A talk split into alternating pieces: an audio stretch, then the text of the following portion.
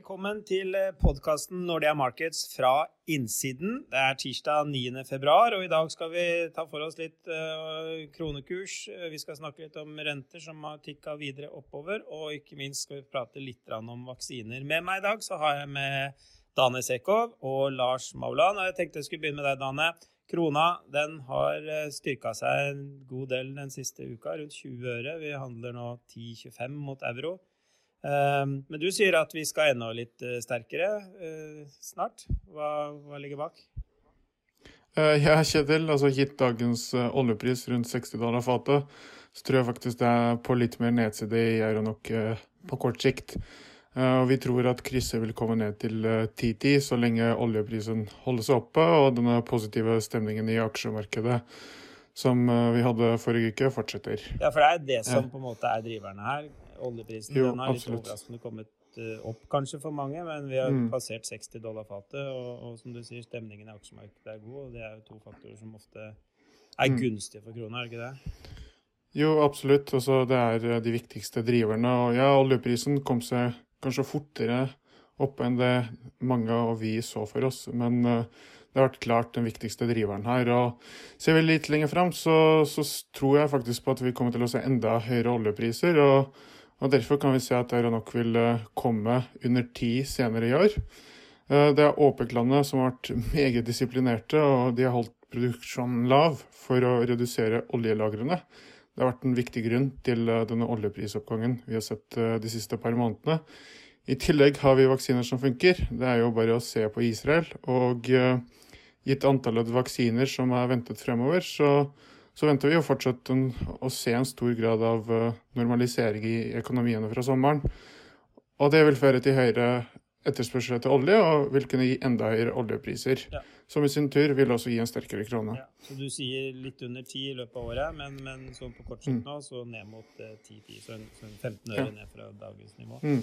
Men uh, ja, oljeprisene stiger, og Larseren, uh, renter de i hvert fall renteforventningene litt lenger på, litt lengre sikt, de har tatt seg en god del opp eh, bare de siste par ukene. Det har vært en god stigning helt siden egentlig ikke valget, men siden vi fikk de første vaksinenyhetene her i tidlig november. Men, men det har tatt av litt de siste par ukene, har det ikke det?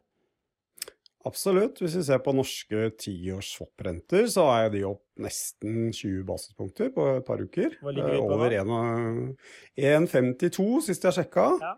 Uh, var jo helt nede i 60 punkter i mai i fjor, så det er jo nesten 100 punkter opp fra bunn. Mm. Hvis man skal uh, gå på med linjal, liksom. Men uh, det, er, det, er en, det, er, en, bra oppgang, og det er som du sa, særlig lange rentene som har steget. Kurven har bratta.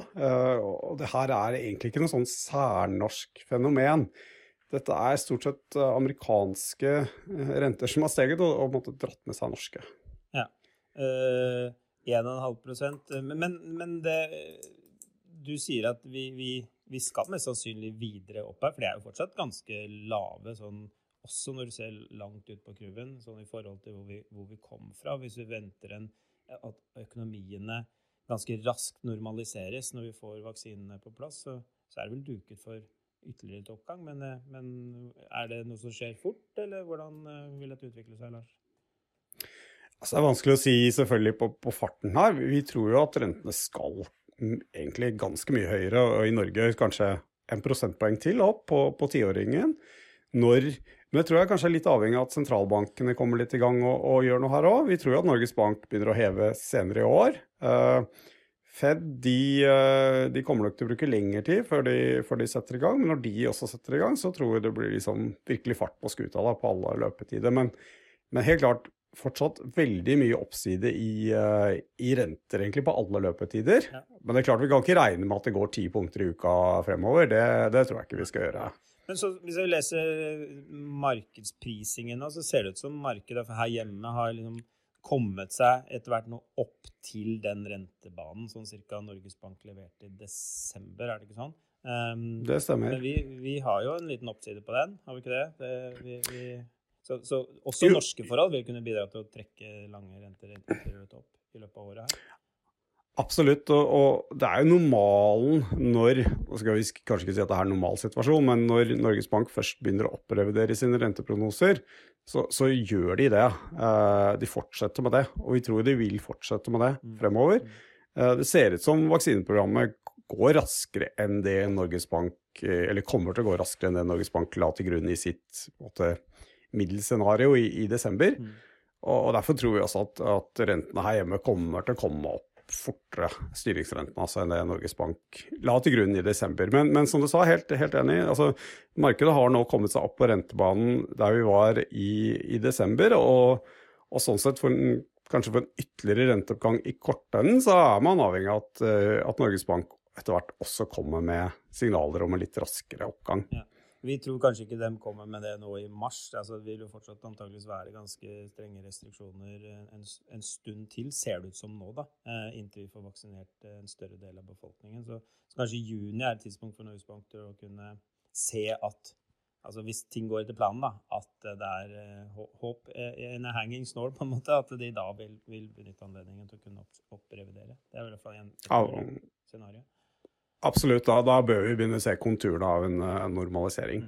Helt tydelig. Men, men, det henger jo veldig på vaksiner. Og Dane, du, du er vår vaksineekspert og følger tallene veldig veldig nøye. Eh, FHI kom jo med noen prognoser endelig her eh, for litt siden. Eh, men eh, jeg får inntrykk på deg at du syns de er litt eh, Selv om de kaller sine, det ene scenarioet sitt optimistisk, så mener du det er ganske nøkternt og kanskje til og med litt pessimistisk?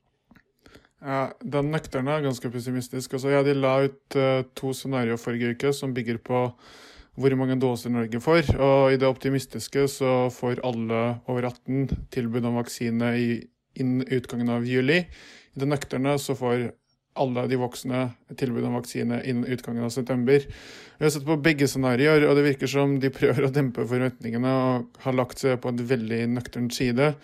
Uh, ja, fordi han er den svenske koordinatoren som på en måte ja. Det er han som styrer showet. Det er han som leverer vaksiner til Norge. Han var jo i går på TV2, så jeg, og, og sa at uh, til sankthans vil alle voksne kunne få første dose. Mm. Ser vi på, ja, så Du snakker om Richard Bergstrøm, ja. som er vaksinekoordinator for Sverige og Norge, og forhandler disse avtalene på vegne av EU.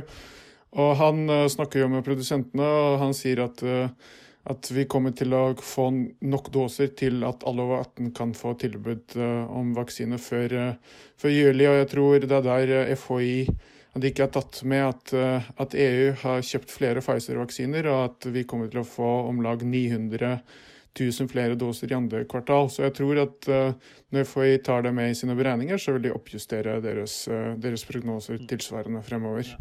Så du er fortsatt steinhard på at sommeren det, det blir vendepunktet for pandemien? Ja, det, det tror jeg. Det tror jeg. Ja. Uh, nei, ja, virker, for meg virker det også som FHI har liksom stilt ned forventningene hele tiden. For de, de vil helst ikke liksom skuffe, så, så heller mm. en på en liksom forsiktig tone. Men en, en, en, sånn som du vurderer, en, en realistisk, altså en forventningsrett prognose er at vi, vi mm. har fått første dose alle mann og, og kvinner før, før, vi tar sommerferie. Mm. Ja. Ja, Vi kan kalle det en realistisk, men optimistisk scenario. Eh, men, men, den AstraZeneca-vaksinen, er vel mye tull med den. Hva hvis vi liksom kutter ut den? Ødelegger det hele prognosen din? Hvor mye forsinka blir det da, hvis vi finner ut at ingen vil ta den? Ja, altså da, da forsinker man hele prognoser med en måned. Så da snakker vi ikke, ikke juni-juli, da snakker vi august kanskje. Så det er ikke mer, ja. nei. Men uh, nå er det jo ikke bevis på Altså, den vaksinen er ikke ubrukelig, for å si det sånn. Den, uh, den, hjelper fortsatt uh, mot alvorlig covid. Ja. OK. Nei, så, og, og, dette, og, poenget med liksom, inn mot Norges Bank er jo at de har tenkt seg i det hovedscenarioet sitt at det tar hele 2021 å bli ferdig med å vaksinere. Og, og, og selv det mest pessimistiske scenarioet mm. er jo klart Bedre enn Norges Bank, ja. Ok, jeg tror vi runder av der. Renten har kommet opp, og det går ikke en rett linje videre oppover. Men vi, vi, vi, er fortsatt på lave nivåer, og vi har tro på at de fortsatt skal løfte seg. Krona har styrka seg, men også der eh, ser vi eh, utsikter til, til, videre styrking, også på kort sikt. Det har mye sammenheng med at oljeprisen har kommet opp. Og på vaksinesiden så, så er vi fortsatt eh, på den optimistiske campen, vi, og, og, og, og, har en klar forventning om at eh, pandemien og økonomien eh, vender ganske kraftig når vi kommer til sommeren. Du har hørt på Nordea Markets fra innsiden. Jeg heter Kjetil Olsen. Med meg hadde jeg Lars Mauland og Dane Sekov. Vi høres igjen.